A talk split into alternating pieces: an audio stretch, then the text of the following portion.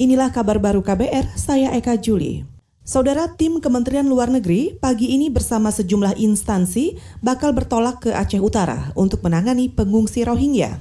Menteri Luar Negeri Retno Marsudi mengatakan pemerintah Indonesia juga berkoordinasi dengan organisasi pengungsi atau UNHCR dan organisasi internasional untuk migrasi atau IOM pada 29 Juni kemarin. Sebanyak 99 pengungsi Rohingya itu rencananya bakal dipindahkan dari bekas kantor imigrasi ke Balai Latihan Kerja di Muara II, Lok Semawe, Aceh. Mereka sudah menjalani tes COVID-19 dan dinyatakan negatif. 99 orang dalam keadaan sehat dan baik dan kebutuhan pangan serta kesehatan telah dipenuhi. Kepada mereka telah dilakukan tes COVID-19 dan semuanya alhamdulillah hasilnya adalah negatif. Para migran akan dipindahkan ke lokasi yang lebih uh, proper sarananya.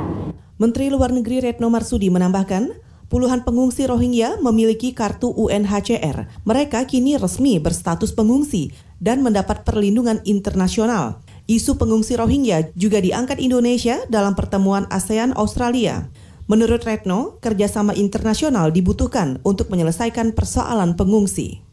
Saudara kenaikan iuran BPJS Kesehatan peserta mandiri hari ini resmi berlaku. Berdasarkan peraturan Presiden nomor 64 tahun 2020, iuran kelas 1 naik dari Rp80.000 menjadi Rp150.000 per peserta per bulan. Kemudian iuran kelas 2 naik menjadi Rp100.000, kelas 3 naik menjadi Rp35.000. Namun peserta kelas 3 masih bisa menikmati tarif lama yaitu Rp25.500 karena ada bantuan subsidi dari pemerintah. Peserta kelas 3 akan membayar penuh Rp35.000 mulai 1 Januari 2021. Kita ke berita olahraga. Barcelona gagal mengambil alih puncak klasemen La Liga Spanyol usai ditahan imbang 2-2 oleh Atletico Madrid. Skuad Blaugrana sempat unggul lebih dulu kedudukan lewat penalti. Penyerang Barcelona Lionel Messi kemudian membawa klubnya unggul di babak kedua melalui tendangan penalti. Namun, lagi-lagi Atletico mencetak skor dan seri bertahan sampai peluit akhir berbunyi. Hasil ini membuat Barcelona gagal menyalip Madrid yang kokoh di peringkat teratas dengan keunggulan satu poin. Saudara, demikian kabar baru. Saya Eka Juli.